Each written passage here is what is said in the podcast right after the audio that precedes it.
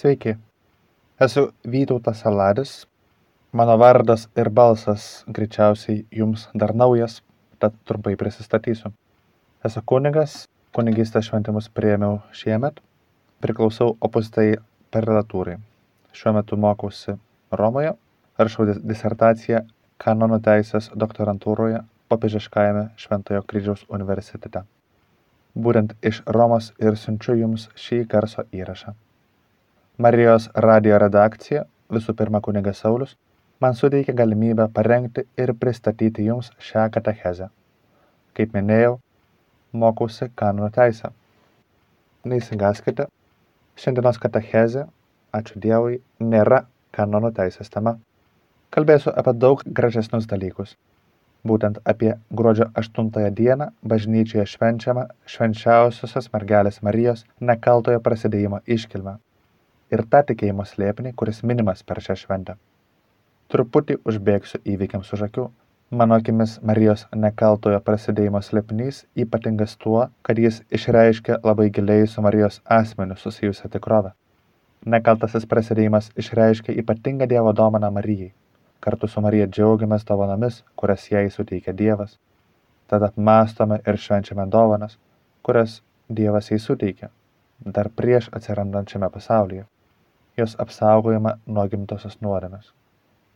Tad minime Dievo galę, tą, ką Jis gali padaryti mūsų gyvenimuose, tą, ką padarė Marijos gyvenime. Kokia šios katechezės struktūra, ką aptarsime? Pirmojoje dalyje pristatysiu katalikų bažnyčios katekizmo punktus, kurie skirti būtent šios dienos slėpiniui aptarti. Po to trumpai papasakosiu apie bažnyčios mokymo, apie šią tikėjimo tiesą apie Marijos nekaltąjį prasidėjimą istoriją. Kažin, ar tai, ką jums pasakysiu, bus kas nors itin naujo. Priešingai, greičiausiai beveik viskas daugeliui bus ir taip gana gerai žinoma. Kad ir kaip bebūtų, tikiuosi, kad ši transliacija duos peno kiekvieno asmeniniai maldai. Tikiuosi, kad šio mergelės Marijos tikėjimo slėpinio apmąstymas suteiks džiaugsmo dėl tų didelių dalykų, kurias nuveikė Dievas Marijos ir taip pat mūsų visų gyvenimuose tikiuosi kad šios dienos apmąstymas padės dažniau kreiptis į mergelę mariją rožinio maldoje meldžiantis ir prašant pagalbos už savo rūpesčius taip pat prašant marijos užtarimo savo artimiesiems draugams lietuvai ir pasauliui. Taip pat kad į dievo motiną kreipsimės kaskart su vis didesniu pasitikėjimu. Taigi jūsų dėmesiui švenčiausiosios mergelės marijos nekaltasis prasidėjimas. Pirmasis klausimas ką reiškia Marijos nekaltasis prasidėjimas.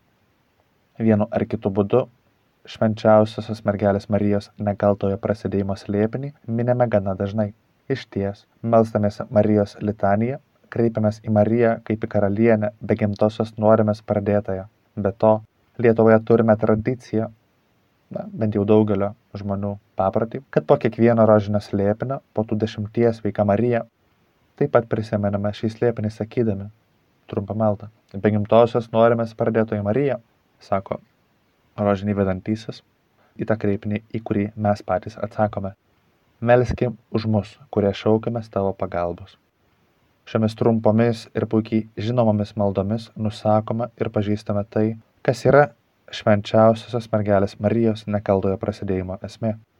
Būtent tai, kad Marija nuo pat pirmosios savo gyvybės akimirkos buvo apsaugota nuo gimtosios nuodėmės. Jeigu ieškotume tikslių teologiškų žodžių, vertėtų atsiversti katekizmą. Katalikų bažnyčios katekizmo santrauka taip pristato šią tikėjimo tiesą. Citatos pradžia. Iš Dievo malonės ir dėl būsimų Jėzaus Kristaus nuopelnų Marija buvo apsaugota nuo gimtosios nuodėmės, nuo pat savo prasidėjimo. Citatos pabaiga iš katalikų bažnyčios katekizmo santraukos. 96 punkto. Marijos nekaltasis prasidėjimas kalba apie Marijos buvimą nepaliesta gimtosios nuodėmės, slėpiningos ir neapčiuopiamos tikrovės. Taigi, visų pirma, Marijos nekaltasis prasidėjimas ir ši dogma išreiškia tai, kad Marija dėl Kristaus nuopelno buvo apsaugota nuo gimtosios nuodėmės, nuo pat savo prasidėjimo kad ji nebuvo susaistyta gimtosios nuodėmės ne vieną savo buvimo žemėje akimirką. Antra, šis slėpinys susijęs su tuo, kad Marija ne vieną savo gyvenimo akimirką nenusidėjo, nepadarė ne vienos asmeninės nuodėmės. Pagaliau, ši dogma išreiškia, taip sakant, labiau psichologinį aspektą, kad Marija neturėjo nuodėmę, neturėjo polinkių į nuodėmę, geismingumo, kaip tai vadinama. Ir priešingai visada savo valia ir širdimi buvo linkusi Dievo tėvo valią. Visada troško daryti tai, kas patinka tėvui. Kaip greičiausiai pastebėjote, ištisą eilę kartų paminėjome gimtosios nuodėmės slėpinį. Jis užima esminę vietą tikėjimo tiesoje, kurią išreiškia būtent Marijos nekaltojo prasidėjimo dogma. Kaip jau nekartą minėjome, mūsų tikėjimo slėpinio esmė yra būtent mergelės Marijos apsaugojimas nuo gimtosios nuodėmės ir gimtosios nuodėmės padarinių nuo pačios pirmosios jos prasidėjimo akimirkos nebuvimas. Būtent tai yra išskirtinė privilegija, kuri dėl Kristaus nuopelnų, Kristaus malonės dėka buvo suteikta Dievo motinai, Kristaus motinai, Marijai. Ši Marijos privilegija yra išskirtinė, kadangi mes, visi likę žmonės, esame sužeisti gimtosios nuodėmės. Kad suprastume Marijos nekaltą į prasidėjimą, turime suprasti ir su juo susijusi gimtosios nuodėmės lėpinį. Kasgi yra ta gimtoji nuodėmė? Kaip nutinka kiekvienos tikėjimo tiesos atveju galime, turime dėti pastangas suprasti šią tikėjimo tikrovę ir vis dėlto negalime jos iki galo perprasti. Žmogaus protas nėra pajėgus iki galo perprasti tą žaizdą, kurią sukėlė pirmųjų žmonių nuopolis. Žinoma, tiesa ta, apie ką kalbėjo Chestertonas savo knygoje Ortodoksija, sakydamas, kad gimtoji nuodėmė yra vienintelė tikėjimo tiesa, kurią galima įrodyti empiriškai, kas reikštų, kad galime įsitikinti gimtosios nuodėmės tikrumu, apsidairydami ir tiesiog klausydamėsi, stebėdami, kas vyksta aplinkui. Vis dėlto gimtosios nuodėmės kilmė, veikimo būdas ir taip pat gimtosios nuodėmės daroma žala lieka apgauta paslapties, tai yra slėpininga tikrovė. Žinoma, tai, ką galime pasakyti apie šią tikrovę, apie gimtąją nuodėmę, mus moko šventasis raštas. Šiuo atžvilgiu ypač svarbus šventojo Pauliaus mokymas ir ypač jo laiškas romiečiams. Ten kalbama apie gimtosios nuodėmės kilmę ir Kristaus atpirkimo darbą. Esame mokomi, kad gimtoji nuodėmė yra įgytoji, o ne padarytoji nuodėmė. Gimtoji nuodėmė yra gimimo sąlygotas būvis, o ne asmeninis aktas galėtų nutikti, kad tokio mokymo atžvilgiu būtume išgirdę prieštaravimų, kas nors galėtų sakyti. Bet juk nėra teisinga, juk aš pats nieko blogo dar nesu padaręs, kaip mane galima kaltinti asmeninę nuomonę, tai dėl to, ko nesu padaręs aš pats. Tai būtų vienas iš tų aspektų, dėl kurių gimtoji nuodėmė ir yra tokia slėpininga tikrovė. Be abejo, gimstame su gimtaja nuodėme ne, ne dėl to, kad būtume asmeniškai prasikaltę savo pačių asmeniniais veiksmais. Vis dėlto kenčiame pirmosios nuodėmės, nepaklusnumo Dievo valiai pasiekmes. Nesame nusikaltę patys, bet jaučiame prieš mus padaryto blogio padarinius. Panašus, sakykime, mechanizmas įvairiomis formomis pasireiškia ir mes jį patiriame taip pat ir savo kasdienybėje. Pavyzdžiui, jeigu einame gatve ir staiga pamatome išverstą šiukšliadėžę su jos turiniu išpiltų laukan, be abejo tai nebus mūsų kaltė, juk ne mes tai padarome, bet kažkuria prasme akivaizdžiai kenčiame padarinius to, ką padarė kiti. Panašiai, tikėjimas mus moko, kad per nuodėmę į pasaulį atėjo skausmas, nerimas, mirtis. Šventasis raštas tvirtina, kad Dievas sukūrė žmogų, kad būtų nemarus, padarė jį savo amžinybės paveikslu bet per velnio pavydą atėjo mirtis į pasaulį ir jo bičiuliai draugėje tai patiria. Tai, tai rašome išminties skyriaus antrajame skyriuje. Šventasis Paulius priduria, per vieną žmogų nuodėmę įėjo į pasaulį, o per nuodėmę mirtis. Taigi pati mirtis toks gimtosios nuodėmės pasiekmių rimtumas, to, ką padarė pirmieji žmonės, nuodėmės, kurią mes patys esame išpažinę, turėjome išpažinti kada nors skausmas, nerimas, mirtis, kaip minėta. Tai mums leidžia bent iš dalies suprasti nuodėmę sunkumą, grėsmę ir žalą, kurią ta gimtoji nuodėmė daro visai žmonijai. Tad blogos šaknis gilios. Daugelį procesų pagristai na, galime kaltinti dėl daugelio blogio prieškų, kuris duoda daug nerimo. Daugelis politikų bandė atpažinti blogio šaknis, ar tai vienoje ar kitoje nežinau, apraiškoje. Mes Lietuvoje gal turime patirties, kai politinės ideologijos, kuris bandė rasti blogą šaknis vienoje ar kitoje socialinėje klasėje, kitos ideologijos, kurias mato blogį, su tą, ką laiko suvaržymais. Kiti kalba apie blogo šaknis vienoje ar kitoje politinėje ar filosofinėje idėjoje. Kad ir kaip bebūtų, daug procesų visuomenėje iš ties veikia labai netobulai ir yra labai tobulintini. Iš tiesų girdime apie korupcijos skandalus, apie visuomenės susipriešinimą vienu ar kitu politiniu klausimu. Tad blogio apraiškų daug. Vis dėlto tikėjimas mus moko, kad blogos šaknys, blogo priežastis, blogos šaknys yra gilios, nes jos glūdi žmogaus sieloje. Ir ne kai kurių žmonių, o visų žmonių sieloje. Ir visa tai išreiškiama bažnyčios mokymo apie gimtąją nuodėmę. Gimtoji nuodėmė, su kuria gimsta visi žmonės, yra pirma pradžia šventumo ir teisumo stoka. Visi nusidėjo ir stokojo Dievo garbės, rašo šventasis Paulius. Iš tiesų gimstame sužeisti gimtosios nuodėmės, stokojame teisumą ir šventumą, į kurį vis dėlto esame pašaukti. Ta pirmą pradį teisumą ir šventumą praradome būtent dėl gimtosios nuodėmės. Dėl šios tikrovės mums reikia krikšto. Krikštas mums sugražina pašvenčiamąją malonę. Tad dėl krikšto atgauname tą šventumą ir teisumą, nuteisinimą, vėl padarome gražus prieš Dievą, gražų savo malonę. Tad katalikai tikime, kad nuo visų, ką tik aptartų neįgimų gimtosios nuodėmės padarinių, buvo apsaugota Marija. Kartu nekaltojo prasidėjimo iškilmė mums primena taip pat ir būtinybę kovoti su blogio šaknimis, glūdinčiamis mūsų pačių sieloje, su nuodėme mūsų pačių sielose. Nugalėti nuodėmę yra įmanoma, žinoma, negalime laimėti šios kovos savo pačių jėgomis, mums būtina Kristaus malonė. Būtent tą mums primena Marija. Ji buvo išskirtinai apdovanota, bet jos nuteisinimas ir išgražinimas taip pat turėjo tą pačią priežastį, tą patį šaltinį, kaip ir mūsų nuteisinimas ir mūsų padarimas gražiais išgražinimas. Marijos, kaip ir mūsų, nuteisinimas priklauso nuo Kristos malonės. Tai, tai tiek įžangos. Grįžkime prie Marijos nekaltojo prasidėjimo. Koks mokymo apie nekaltąjį prasidėjimą pagrindas? Kodėl tikime? Šiandien Marijos nekaltasis prasidėjimas yra katalikų tikėjimo dalis.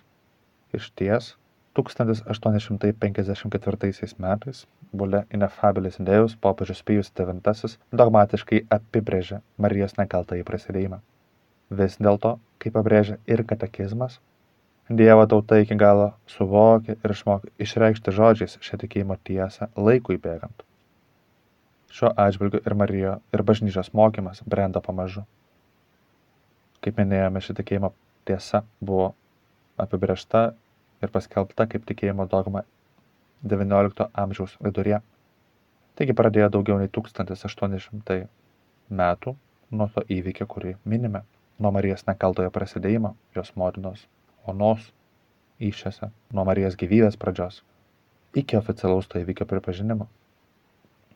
Tad koks yra pagrindas to tikėjimo, kurį išpažįstame? Kaip ir visais atvejais, kai kalbama apie tikėjimo tiesas, pirmiausia, reikia atsiverti šventąjį raštą. Šiuo atveju vis dėlto, jeigu šventajame rašte ieškotume eilutės, kurioje būtų juoda ant balto, sakoma, kad mergelė Marija buvo pradėta be gimtosios nuodėmės, tokios eilutės nerastume Nekaltojo prasidėjimo doktrino pagrindas yra, visų pirma, Dievo tautos tikėjimo jausmas. Kaip aiškina Vatikano antrojo susirinkimo dogminė konstitucija Lumen Gentium, citatos pradžia, visuma tikinčiųjų tikėdama negali klysti ir šią ypatingą savybę atskleidžia per antgamtinį visos tautos tikėjimo jausmą. Nuo viskupų iki paskutinio pasaulietčio visuotinai sutardami dėl tikėjimo ir dorovės. Lumen Gentium Dvyliktasis punktas. Tas jausmas šventosios dvasios žadinamas ir palaikomas padeda giliau suprasti įvairias tikėjimo tiesas. Mergelės Marijos prasidėjimas be gimtosios nuodėmės yra vienas akivaizdžiausių to Dievo tautos tikėjimo jausmo pavyzdžių. Taigi, Dievo tautos tikėjimo jausmas yra tikėjimo Marijos nekaltojo prasidėjimo pagrindas. Be abejo, šis tikėjimo jausmas turi savo pagrindą šventajame rašte bei bažnyčios tradicijoje. Tas jausmas nėra, kaip sakytume, plikas, jis turi pagrindą. Tad tuo tikslu ypač verta atidžiau apsvarstyti porą šventojo rašto eilučių, kur kalbama apie neįlinį mergelės Marijos šventumą ir apie jos bendradarbiavimą bei vaidmenį išganimo istorijoje. Kalbant apie šventąjį raštą, visų pirma paminėtina Evangelija pagal Luką, konkrečiau pirmojo skyriaus 28 eilutė. Kaip žinome, evangelistas Lukas yra tas, kuris daugiausia žinių mums perdavė apie Kristaus gimimą ir vaikystę. Tuo pačiu iš Luko daugiausia sužinome ir apie pačią mergelę Mariją. Būtent tomis Kristaus vaikystės akimirkomis Marija ir Juozapas buvo labiausiai matomi kažkuria prasme jie buvo tos istorijos protagonistai to laikotarpio, buvo tie, kurie veikė dalykus, tas skaitome šventajame rašte. Mano minėta eilutė, Luko Evangelijos pagal Luką pirmojo skyriaus 28 eilutė yra žodžiais, kuriais ir mes patys taip dažnai kreipiamės į Dievo motiną. Sveika Marija, malonės pilnoji, tai yra paaiškinimas, kuris dar iš vaikystės likęs ir mano sąmonėje.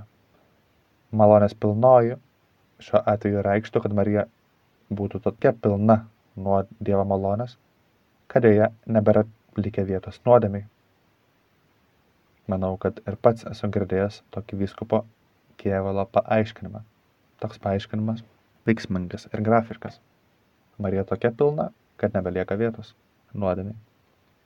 Popiežiaus Pijaus IX bulė, kuri buvo apibriešta Marijos nekaltojo prasidėjimo tiesa, aiškina šį kreipinį malonės pilnoji labai panašiai.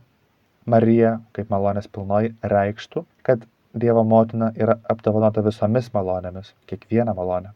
Taigi, Marija, būdama apdovanota visomis malonėmis, yra apdovanota būtent visomis malonėmis. Ir nėra ne vienos malonės, kuriamis ta Marija nebūtų apdovanota.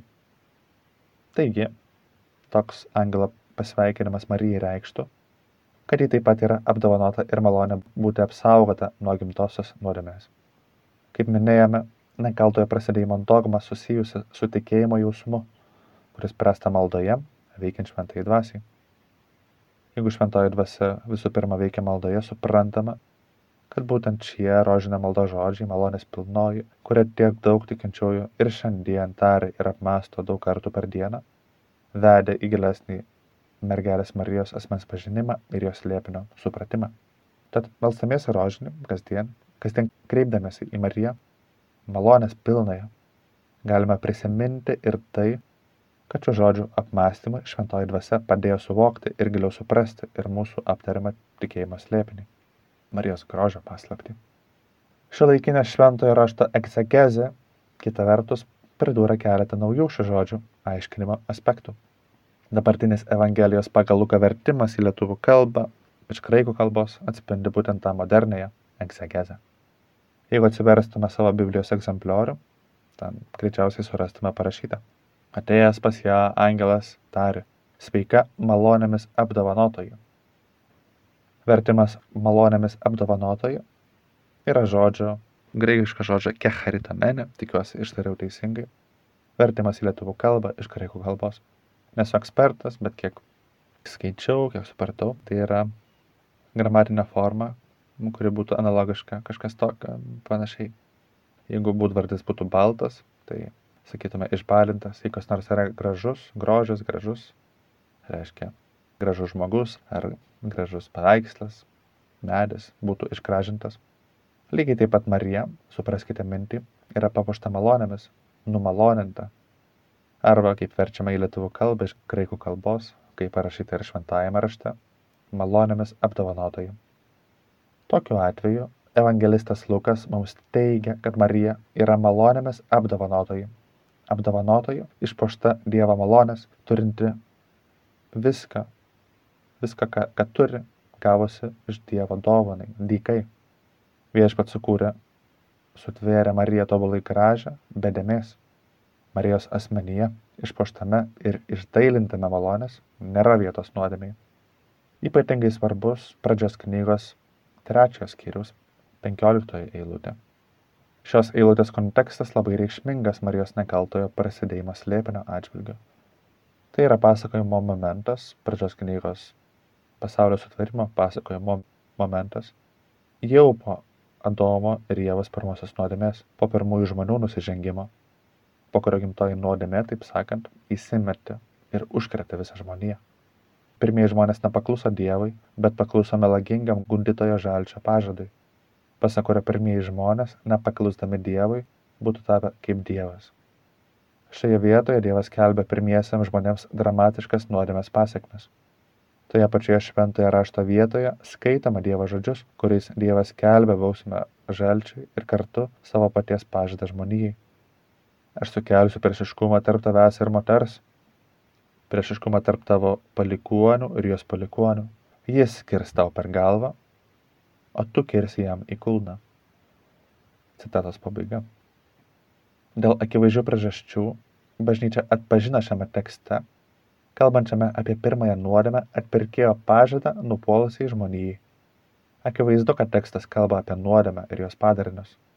Aišku, kad melagis skundytojas žaltys, apie kurį kalbame šiame pradžios knygos tekste, yra velnas.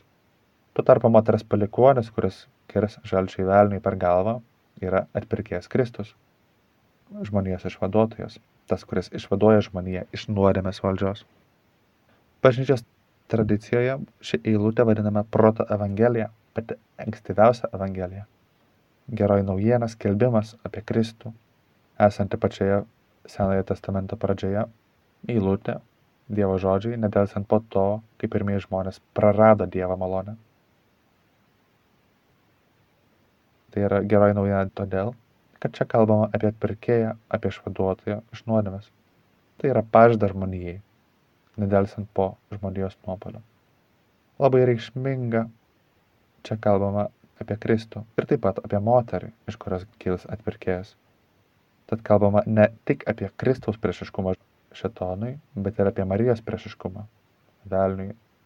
Iš ties Dievas kalba apie moters ir šetono priešiškumą sako, aš sukelsiu priešiškumą tarp tavęs ir moters. Būtent šis priešiškumas, tai yra svarbus žodis, priešiškumas reiškia, kad tarp Marijos ir šitono nėra nieko bendro. Šitono gale žmonijai pasireiškia nuodėme. Tačiau Marija, būdama priešiška šitonui, negali būti susaistyta nuodėmės, nes jokių būdų negali būti šitono valdžioje. Mat Marija neturi nieko bendro nei su šitonu, nei su nuodėme. Tai liudija ir tą bažnyčia suprato maldoje, šventosios dvasios ir bažnyčios vadovybės mokymo vedama, kad Marija ne vieną akimirką nebuvo susaistyta nuodėmės, tad Marija turėjo būti pradėta be gimtosios nuodėmės. Minėta pradžios knygos eilutė yra taikoma Kristui savo giliają, vadinamąją dvasinę prasme. Bažnyčia suprato dvasinę šio teksto prasme visų pirma maldoje. Jis, taip sakant, nebūtų toks akivaizdus savo gramatinę formą. Vis dėlto, būtent šioje pranašystėje, aiškiai taikomoje Kristuje, matome labai aišku saitą tarp Kristaus ir Marijos misijos. Matome, kaip Marija bendradarbiauja su Kristumi jo paties atpirkimo darbe. Todėl Marija, kaip laikui bėgant suprato bažnyčia, turėjo būti apsaugota nuo nuodėmės. Šis tekstas, pradžios knygos tekstas, labai svariai prisidėjo prie bažnyčios sąmonės apie Marijos nekaltąjį prasidėjimą sunkumai dėl kurių dogma buvo paskelbta kiek vėlokai jų buvo žinoma bažnyčia visa dievo tauta bažnyčios tėvai teologai ir visi krikščionys visais laikais pripažino ypatingą dievo motinos orumą ir ypatingą vietą atpirkimo istorijoje ypatingas Marijos šventumas, ypatingas saitas su Kristumi akivaizdžiai matyti Naujajame testamente. Marijos buvimas Dievo motina, jos buvimas mergelė prieš ir po Kristaus gimimo buvo patvirtintas pirmųjų bažnyčios susirinkimų ir yra katalikų tikėjimo dalis. Niekas nebejojo ypatingu Marijos šventumu. Vis dėlto, būtent Marijos nekaltojo prasidėjimo dogmos pripažinimas ir suformulavimas užtruko. Kodėl? Sunkumai be abejo buvo susijęs su kai kuriomis šventojo rašto vietomis ir jų aiškinimu visų pirma tai buvo būtent tos naujojo testamento vietos kuriose kalbama apie gimtąją nuodėmę ir gimtosios nuodėmės visuotinumą šventasis paulius ypač savo laiške romiečiams ypač ryžtingai tvirtino kad gimtoji nuodėmė palietė visus žmones Visi yra nusidėję ir stakoja Dievo garbės, o nuteisinama dovanai jo malonė, Dievo malonė dėl Kristaus Jėzaus atpirkimo. Tai prašoma laiškė romiečiams. Panašiai ir penktajame skyriuje sakoma, kad kaip per vieną žmogų nuodėmė įėjo į pasaulį, o per nuodėmę mirtis, taip mirtis prasiskverbia į visus žmonės, nes visi nusidėjo. Citatos pabaiga.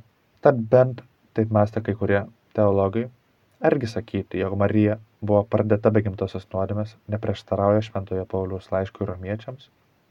Juk Šventasis Paulius, tvirtindamas, jog gimtoji nuodėmė palėtė visus žmonės, nedarė išimties Marijos atžvilgių.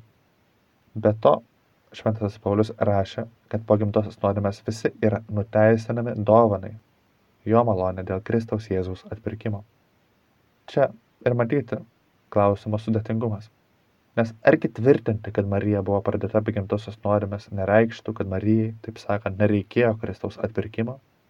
Juk jeigu Marija pradėta be gimtosios nuodėmės, taip kai kurie galvojo, atpirkimas jai nereikalingas. Kas, na, prieštarautų šventajam raštui. Tad pagrindinis iššūkis buvo suprasti, kaip suderinti šiuos du aspektus. Ypatinga Marijos šventumą, jei būna Dievo motina, ir faktai, kad Kristaus atpirkimo nuopelnai nuteisina visą žmoniją, taigi Kristus turėjo nuteisinti ir Mariją. Irgi nebūtų absurdiška teikti, kad Kristaus nuopelnai ir Kristaus malonė nepalėtė Marijos. Kaip minėjome, abejonės nekaltojų prasidėjimų nebuvo dėl pagarbos Marijai trūkumo. Iš tiesų, tarptų teologų, kurie abejojo Marijos nekaltojų prasidėjimu, buvo labai iškilių vardų, na, jie siūlė kitus sprendimus. Visi vis dėlto būtų nedvėjodami sutikę, kad Marija pasižymėjo ypatingų šventumų, galbūt didžiausių įmanomų šventumų tarp visų Dievo sutvertų būtybių. Vis dėlto, kaip prieš keletą metų buvo pastebėta viename Bernardinai LT paskelbtame pranciškono kunigo Antano Blužo giliame ir teologiškame tekste, vienas iš keliausių pranciškonų teologų, palaimintasis Jonas Dunsas Škotas ir pranciškonų ordinas apskritai ypatingai prisidėjo prie mokymo apie Marijos nekaltąjį prasidėjimą teologinio paaiškinimo ir sklaidos. Pranciškonų teologai sugebėjo pagrysti ir paaiškinti galimybę atpirkti iš nuodėmės, taip sakant, taikant nuopelnus iš anksto. Toks būdas atpirkti, atpirkti dar iki Kristaus kaip žmogaus gimimo, taip sakant, avansų dėl būsimų Kristaus nuopelnų, buvo pats tobuliausias būdas atpirkti. Toks buvo Marijos atpirkimas, pačiu tobuliausiu būdu apsaugant ją nuo gimtosios nuodėmės, neleidžiant gimtajai nuodėmiai paliesti Marijos ne vieną jos gyvybės akimirką. Jonas Dunsas Škotas rašė, toks jo argumentas. Kristus buvo tobuliausias tarpininkas, jis nebūtų galėjęs būti tobuliausiu tarpininku, jei nebūtų apsaugojęs savo motinos nuo gimtosios nuodėmės ir nebūtų sugebėjęs atitaisyti nuodėmės padarinių iki aukščiausio laipsnio. Būdamas tobuliausias tarpininkas, Kristus apsaugoja savo motiną nuo gimtosios nuodėmės. Citatos pabaiga. Pagal Antano Bužo vertimą. Būtent toks buvo lemiamas šventojo Jono Dunso škoto argumentas, kuriuo buvo pagrystas ir teologiškai paaiškintas Marijos nekaltojo prasidėjimo apibrėžimas. Šventasis Jose Marijas Kryve, kuris be abejo gimė gerokai po dogmos paskelbimo, bet man asmeniškai pažįstamas ir brangus šventasis, man regis veiksmingai pristato tą patį šventojo Jono Dunso argumentą. Tiek laisva, ne teologinė kalba, bet labai veiksmingai ir tikiuosi, kad jis galėtų padėti mums tai tą slėpinį geriau suprasti. Viename pamoksle Marijos garbiai šis šventasis kalbėjo apie šį žmogaus protų perprasti neįmanoma Marijos gyvenimo slėpinį. Citatas pradžia. Kalbėdamas apie tą minėtą argumentą, jis rašė. Tai turėjo atsitikti, Dievas galėjo tai padaryti, vadinasi, jis tai ir padarė, citatos pabaiga. Tas pats šventas Josemarija tęsė, duodamas žmogišką mums gerai pažįstamą pavyzdį. Citatos pradžia. Jis klausia, ką būtume darę, jeigu būtume galėję pasirinkti savo motiną? Manau, kad būtume pasirinkę esamą ir būtume apdovanoję ją visomis įmanomomis malonėmis. Kristus pasielgė taip pat. Savo gale jis pripildė malonėmis, nes jis visagalybė išmintis, pati meilė. Citatos pabaiga. Po palaiminto Jono Dunso Škoto, kuris rašė 14 amžiaus pradžioje, praėjo keli šimtai metų, tęsiasi teologinė diskusija apie Marijos nekaltąjį prasidėjimą. Kai kurie tikintieji, ypač iš kai kurių vietų, pavyzdžiui, Sevilijoje, Ispanijoje, labai tvirtai gynė Dievo motinos privilegijas. Kartais būdavo pasiekiama kai kurių kraštutinumų. Pasakojama, kad kartais paprasti Sevilijos tikintieji kartais nedarydavo vadinamosius kraujo įžadus, pasirašydami krauju, dėl to toks įžadų pavadinimas. Pasirašydavo ir įsipareigodavo ginti visomis jėgomis švenčiausios mergelės Marijos nekaltojo prasidėjimo slėpinį. Šiandien tai greičiausiai skamba tik kaip įdomybė. Galbūt lengviau suprasti tokias apraiškas turint omenyje neretai karštą pitiečių būdą bei to meto papročius. Bet kuriuo atveju tai rodo užsidėgymą ir įsitikinimą, kuriuo bažnyčia ir ne tik hierarchai, bet ir paprasti tikintieji gynė šią tikėjimo tiesą. XIX amžiaus pabaigoje jau ne kartą minėtas popiežius palaimintasis Pijus IX, įsitikinęs, kad teologinė diskusija pasiekia pakankamą brandą, siekdamas patenkinti daugelio tikinčiųjų troškimą, kad Marijos nekaltasis prasidėjimas būtų apibrėžtas kaip tikėjimo dogma, 1849 metais, likus penkiems metams iki oficialaus dogmos paskelbimo įsteigė teologinę komisiją šiam klausimui nagrinėti ir kreipėsi į viso pasaulio vyskupus bei bažnytinius vyresniuosius, prašydamas pareikšti savo nuomonę, tikslinga ar ne apibrėžti Marijos nekaltai prasidėjimą kaip tikėjimo dogmą. Taip pat, ką jie galvoja apie tokį sumanimą, taip pat prašė informuoti apie pamaldumo apraišką savo vyskupijose. Konsultacijos metu paaiškėjo visuotinis, beveik vienbalsis palaikymas, kad švenčiausiosios mergelės Marijos pradėjimas be gimtosios nuodėmės būtų pripažintas tikėjimo dogma. Tai buvo kiek netikėta, turint omenyje gana karštas praėjusių amžių diskusijas. Po šios konsultacijos, tokios palankios, dar vienos su Marijos asmeniu glaudžiai susijusios tikėjimo tiesos apibrėžimui, buvo priimtas sprendimas paskelbti dogmą. 1854 metais, gruodžio 8 dieną, papižiškąją būlę Inefabilis Deus Marijos nekaltasis prasidėjimas buvo pripažintas tikėjimo tiesa. Popiežius rėmėsi jau minėto palaimintojo Jono Dunso Škoto doktrina apie Marijos atpirkimą būsimais Kristaus nuopelnais, citavo kiek anksčiau aptartus šventojo rašto tekstus, ypač atpirkėjo pažadą nupuolus į žmonį pradžios knygos trečiajame skyriuje, taip pat Arkangelo Gabrielius pasveikinimą Marijai Evangelijoje pagal Luką. Popiežius taip pat atkreipė dėmesį į tai, kad jau ilgą laiką bažnyčioje buvo švenčiama ne tik Marijos gimimo šventė, bet ir Marijos prasidėjimo šventė, gruodžio 8 dieną beje, buvo kalbama apie bažnyčios tėvų liudijimus. Tai gana ilga būlė išsamus tekstas apie bažnyčios tradiciją ir tikėjimą Marijos nekaltuoju prasidėjimu. Marijos nekaltasis prasidėjimas buvo apibrėžtas taip ir būtent tokį apibrėžimą randame katalikų bažnyčios katekizme. Citatos pradžia. Švenčiausiai mergelė Marija nuo pirmos prasidėjimo akimirkos ypatinga visagalio Dievo malonė ir privilegija dėl žmonijos atpirkėjo Jėzaus Kristaus nuopelnų buvo apsaugota nuo gimtosios nuodėmės ir nekiek jos nesutepta. Citatos pabaiga. Tad tai yra tas tikėjimas slėpinys, kurį minime ir kurį švenčiame šiomis dienomis. Ir toks yra tikėjimo slėpinio, kurį apmastome ir švenčiame gruodžio 8 dieną per šios dienos liturginę šventę pristatymas. Baigėsi šios laidos laikas, jau turėčiau eiti į pabaigą. Tik norėčiau visus pasveikinti, patikinti savo maldą šios gražios bažnyčios šventės proga. Taip pat paraginti apmastyti. Marija yra labai iškilus kūrinys, kuris gavo šią ypatingą malonę, kuris na, atskleidė jos antgamtinę ir taip pat na, fizinę grožą paslaptį. Mes matome paveikslus, matome Marijos paveikslus bei statulas, kuriuose mūsų motina labai graži. Ir taip yra dėl to, kad ji, ji galbūt pasakytų, aš buvau apsaugota nuo gimtosios nuodėmės. Dievas mane visai kaip pašaukė. Vis dėlto, kaip žinome, Marija turėjo nueiti tą tikėjimo kelią, turėjo susidurti su daugeliu sunkumų ir daugeliu neiškumų kelyje, kuriuos jai Dievas parašė. Ir būtent čia mes galime prašyti jos pagalbos ir galime sekti jos pavyzdžių. Mes taip pat turime eiti tikėjimo keliu. Ir taip pat galime būti tikri, kad Dievas mums suteikė daugybę dovanų, daugybę dovanų mūsų, mūsų gyvenime ir kad na, Dievas mus ves ir palydės ir suteiks visas dovanas. kad pasiektume gerą kelio pabaigą. Tad patikinu į savo maldą, kreipkime į Mariją, ypač rožinę maldoje, melskime vieni už kitus. Trumpai pristatysiu bibliografiją. Parengiau šią katechezę vadovaudamasis be abejonės katekizmu, į katekizmą santrauką.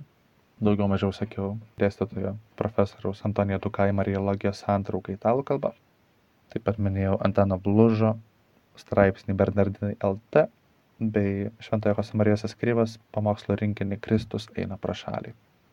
Esu Vytautas Saladis, dėkoju už jūsų dėmesį, maldoje ir iki kitų susitikimų. Iki.